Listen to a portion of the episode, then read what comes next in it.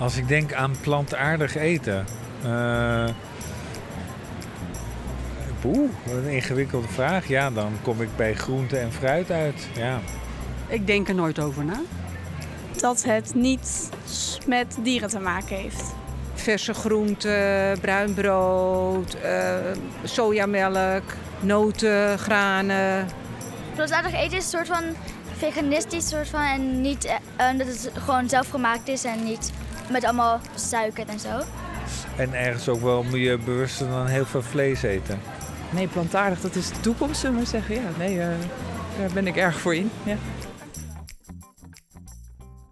Plantaardig eten, daar gaan we het over hebben. Ja, maar wat is het nou? Is het gezond? En uh, ja, waarom zou je het eigenlijk doen? Dat ga ik voor je uitzoeken.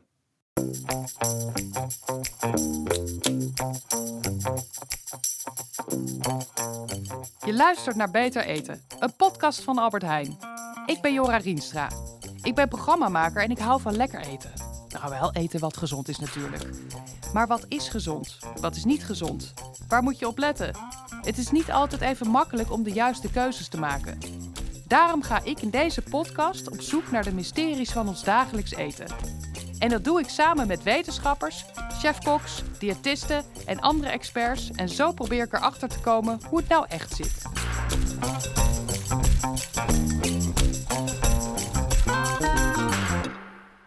Oké, plantaardig eten dus. Eerst maar eventjes de officiële definitie. Dat is het eten van vooral groenten, fruit, noten, peulvruchten en granen. Vlees en zuivel eet je dan weer veel en veel minder. En om verwarring te voorkomen, het is dus iets anders dan een veganistisch dieet. Want daarbij eet je helemaal geen dierlijke producten.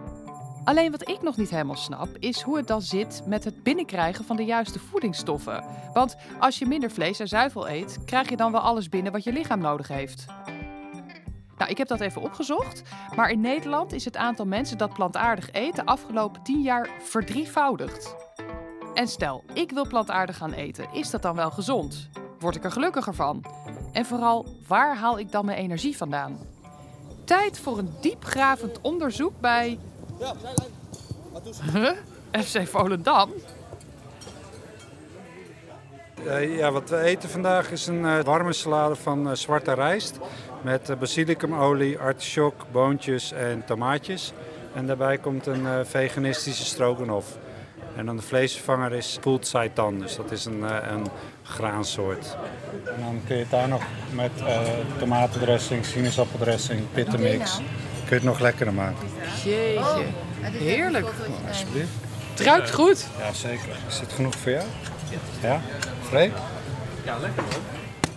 De spelers van FC Volendam krijgen dus eten wat je misschien niet gelijk associeert met een voetbalclub. Nee, dan denk je toch aan uh, een kantine met bruine broodjes met kaas. We spreken af met de chefkok van de club, Bas Wiegel, en met Freek de Boer. Hij is Head of Performance. Die zwarte rijst is gewoon, ja, dat vult gewoon heel erg. Uh, maar daarvoor hebben ze wel weer gewoon brandstof om nu nog krachttraining of een andere training te doen. Is het nou helemaal plantaardig? Nee, het is ongeveer 80% plantaardig. Ik kijk ook altijd hoe de week eruit ziet en hoe een wedstrijd. En dan uh, ja, verdeel je dat zo over een week. Maar het grootste gedeelte is plantaardig wat ze eten. En veel verse groentes. En uh, we maken eigenlijk alles zelf. Dus geen uh, pakjes en dat soort uh, dingen. Freek, hi. Wat, ja, vertel even, wat doe jij hier precies bij FC Volendam? Ik ben Head of Performance, is eigenlijk de titel, de functie. Wat ik doe is, uh, ik organiseer eigenlijk de kant, uh, alles wat niet voetbaltechnisch is. En alles wat wel om de spelers heen gaat. Dus wij werken heel veel met de fysiotherapeuten, met de krachttrainer, met uh, planning, periodisering doe ik, afstemming met de trainers, individuele ontwikkelingsplannen. Dus ook en... En een beetje eten. Ik wou net zeggen, dus ook de voeding. ja. Daar ben jij van? Ja. En, en hoe ben je nou op het idee gekomen om dan 80% plantaardige voeding aan te bieden? Want als ik denk aan topsport, aan sport, dan denk je snel al aan heel veel eiwitten, toch aan, aan ja, toch vlees. Er moet, het moet goed gevuld, ze moeten sterk worden. Is dat gewoon een, grote misvatting? Ja, wij kijken eigenlijk veel meer naar gezondheid. Want wat zit daar nou nog veel meer achter? Uh, aan voedingsstoffen wat je nodig hebt om gewoon een gezond lichaam uh, te ontwikkelen. En dan, als het over sport gaat, gaat het al heel snel inderdaad als iemand moet herstellen, ja, maar eiwitten. Ja, oké, maar heb je nagedacht over je vetten? Of heel hoog dat je in je koolhydraten zit, wat dat voor effect heeft op de opbouw van je lichaam.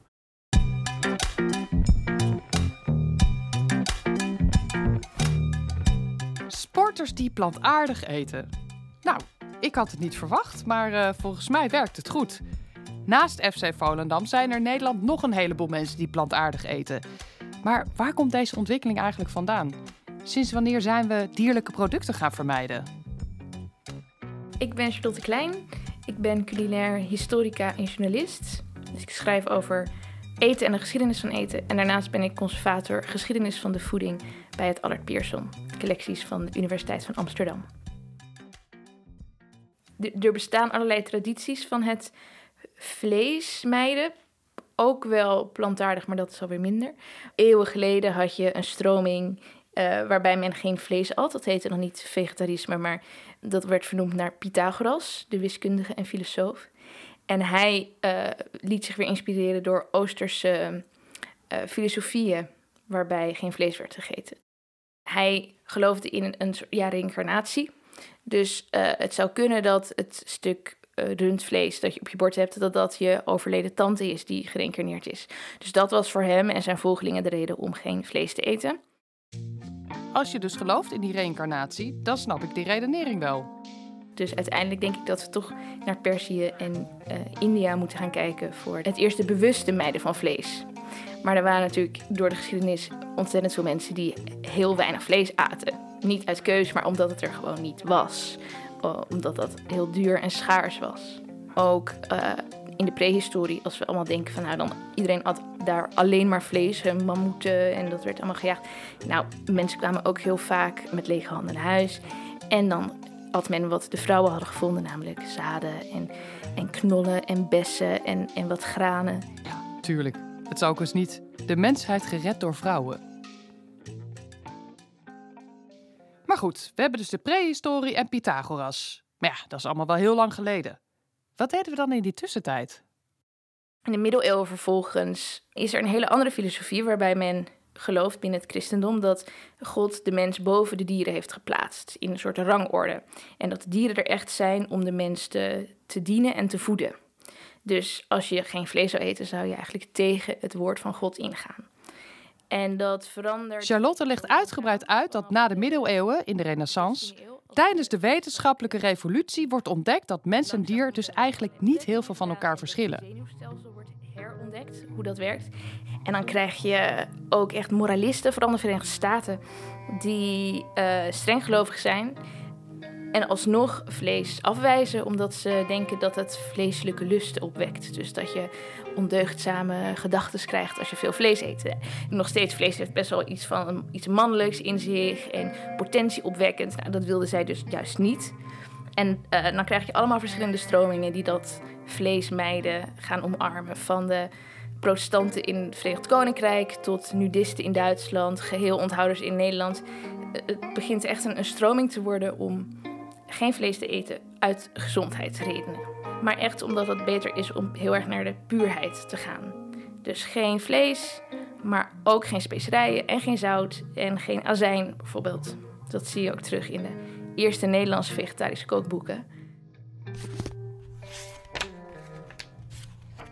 Ja, en de recepten zijn dan bijvoorbeeld aardappelsalade. En dan maak je aardappels aan met citroensap en olie. En dan niet lekker olijfolie, want dat was toen ongebruikelijk en heel duur, maar ja, uh, neutrale slaolie.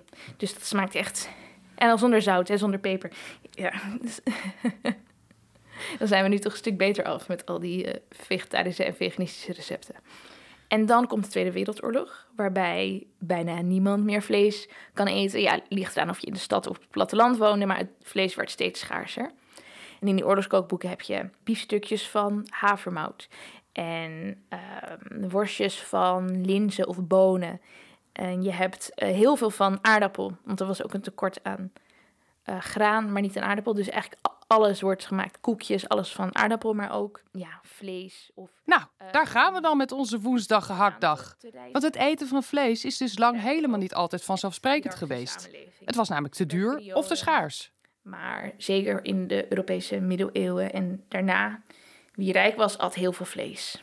En ja, dat zie je ook nog op een heleboel nieuwe plekken nu. Dus zodra de welvaart omhoog kan, gaan mensen meer vlees eten. Het is duidelijk dat wij ons in een periode bevinden waar mensen juist minder vlees eten.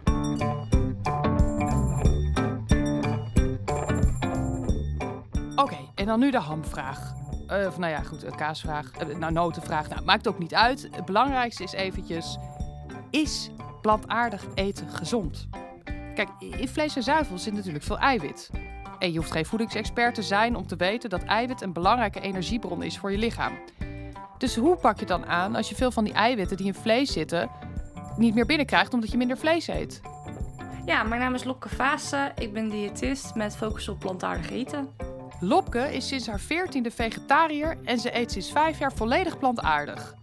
In haar hoofd was de overgang best groot. In de praktijk vond ik het echt reuze meevallen. Dat heeft ook wat te maken met het feit dat er tegenwoordig natuurlijk hele goede plantaardige vervangers zijn. En dat is eigenlijk alleen nog maar beter geworden. Maar zeker met joh, het eh, schap aan plantaardige melk, dat is uh, zes meter lang. Plantaardige yoghurt, je kan je lol op. Dus nu ik terugkijk, denk ik van eigenlijk is dat een hele kleine stap. De meeste mensen doen dat niet overnight. Er is een klein groepje die inderdaad uh, een paar documentaires ziet en uh, denkt: ik ben er klaar mee, ik gooi alles uh, weg. Maar de meeste mensen die maken zo langzaamaan die stappen. Dat kan verschillen. Sommige mensen denken van ik begin met plantaardige melk in plaats van de dierlijke zuivel. Andere mensen die stoppen gewoon met vlees eten en die beginnen met dat stuk van hun voedingspatroon. Weer mensen die, andere mensen die pakken het maaltijd voor maaltijd aan. Dus die, die kijken eerst naar het ontbijt, en dan pakken ze de lunch en dan laatst als avondmaaltijd. Dus dat verschilt heel erg. Maar de meeste mensen die de stap zetten naar plantaardig voedingspatroon, die, uh, die komen daar in stapjes. Maar waarom eigenlijk? Wat is nu precies de reden om volledig over te stappen naar plantaardig eten? Er zijn drie argumenten waarom mensen kiezen om plantaardig te eten. En vaak komen ze uiteindelijk wel samen, maar er is vaak één aanleiding. De groep waar ik natuurlijk veel mee te maken heb is gezondheid, omdat ze inzien dat het vele malen gezonder is. Dan heb je een grote groep mensen en doet het vanwege duurzaamheid, omdat het vele malen duurzamer is om minder dierlijke eiwitten en meer plantaardige eiwitten te consumeren. En dan heb je tot slot de groep mensen die doen het voor dierenwelzijn. Het is super gezond als je het op de juiste manier doet, op de volwaardige manier doet. Als je plantaardig gaat eten, is inderdaad de meest gestelde vraag die je krijgt toch wel: hoe kom je dan naar je eiwitten? Mensen weten niet dat de gemiddelde Nederlander op dit moment meer eiwit eet dan die eigenlijk nodig zal hebben. Als je plantaardig gaat eten, ga je juist iets, een iets optimalere hoeveelheid eiwitten eten. Want het is niet per se goed om al maar meer eiwitten te eten. Het is belastend voor de nieren, voor de lever uh, en voor de planeet.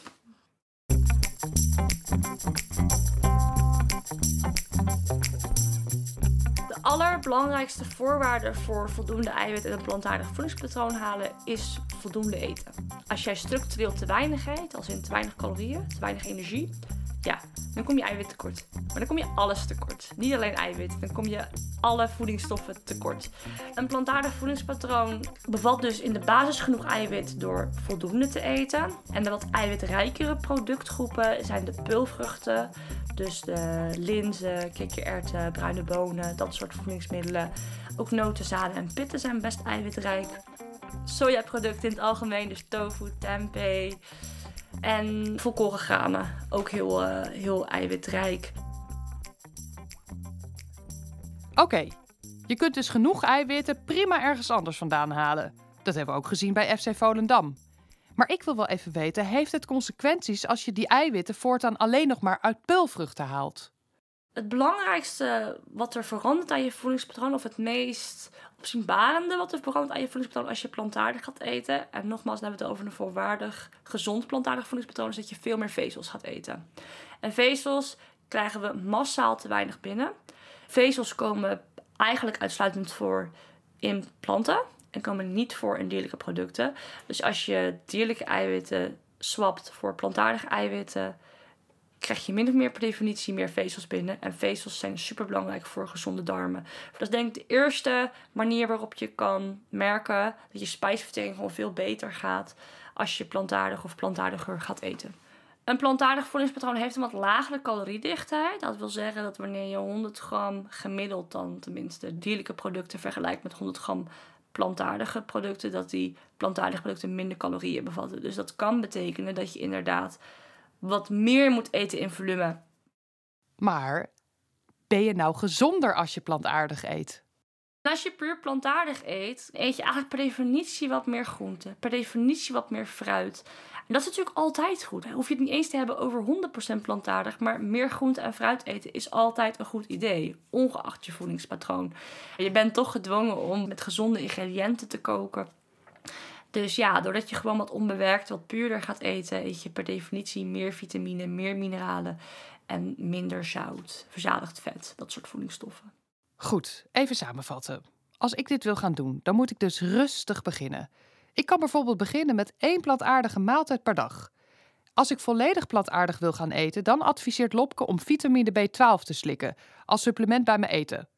Maar dan nu de vraag: wat ga ik precies eten? Zijn er bijvoorbeeld wereldkeukens die bekend staan om hun plantaardige gerechten? In India bijvoorbeeld, daar koken ze heel erg veel plantaardig in de, in de basis. Maar ook de Aziatische keuken is echt super plant-friendly. En Midden-Oosters. Daar zijn ze ook heel erg goed in uh, gerechten maken die uh, plantaardig in de basis zijn. Dus dat zijn dan een beetje de keukens waar ik op zou focussen. Waarbij je weet, daar vind ik vast wel een lekker plantaardig gerecht.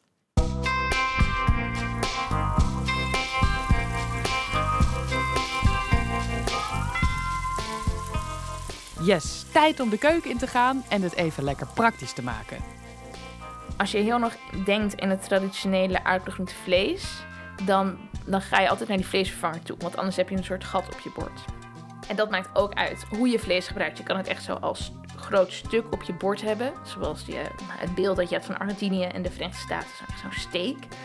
Of je gebruikt een klein beetje als smaakmaker. Dus een klein beetje varkens gehakt in spring rolls of in een noedelgerecht. Dan heb je veel minder nodig. En je hebt wel die smaak. Dus ik denk dat daar ook nog veel te winnen valt. Dat we niet alleen denken je eet vlees of je eet het niet, maar ook in hoeveelheden. Als culinair historica kent Charlotte zo'n beetje elke keuken ter wereld. En er is dan genoeg plantaardige inspiratie voorhanden. Ik kijk meer naar bijvoorbeeld Midden-Oosterse keukens, waar je verschillende gerechten op tafel zet. Uh, hummus, uh, geroosterde bloemkool met tahinsaus, uh, salades, lekker platbrood. Nou, dan mis je helemaal niet dat er geen vlees of zuivel is. Of noedels of tempeh, dus meer de, richting het oosten.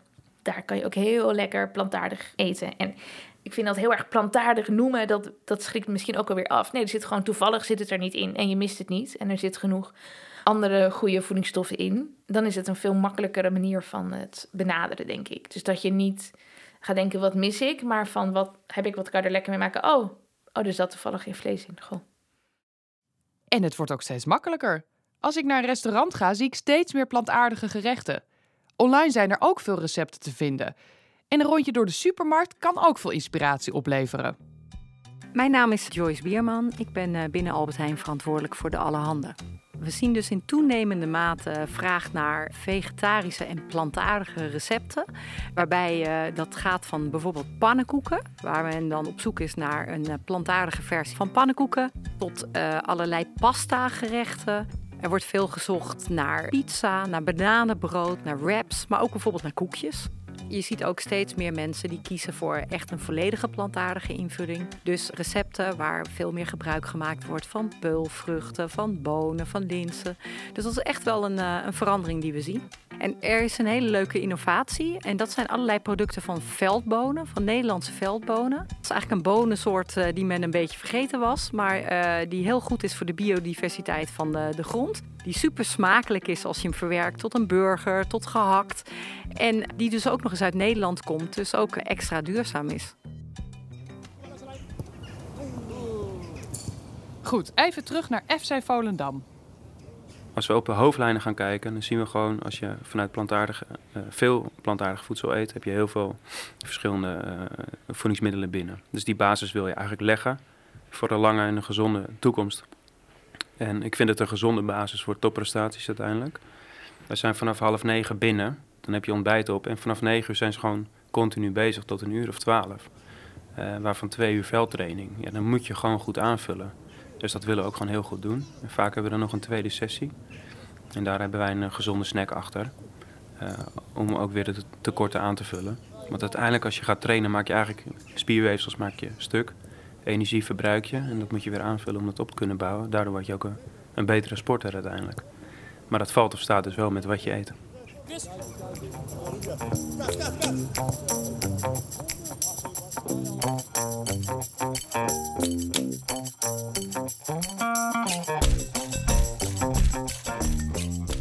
Leuk dat je luisterde naar Beter Eten, een podcast van Albert Heijn. Wil je nou meer weten over gezonde voeding? Op onze website vind je allemaal praktische tips, recepten en nog veel meer. Kijk op ah.nl/slash betereten. En geen aflevering missen? Zorg dan dat je abonneert in je favoriete podcast-app.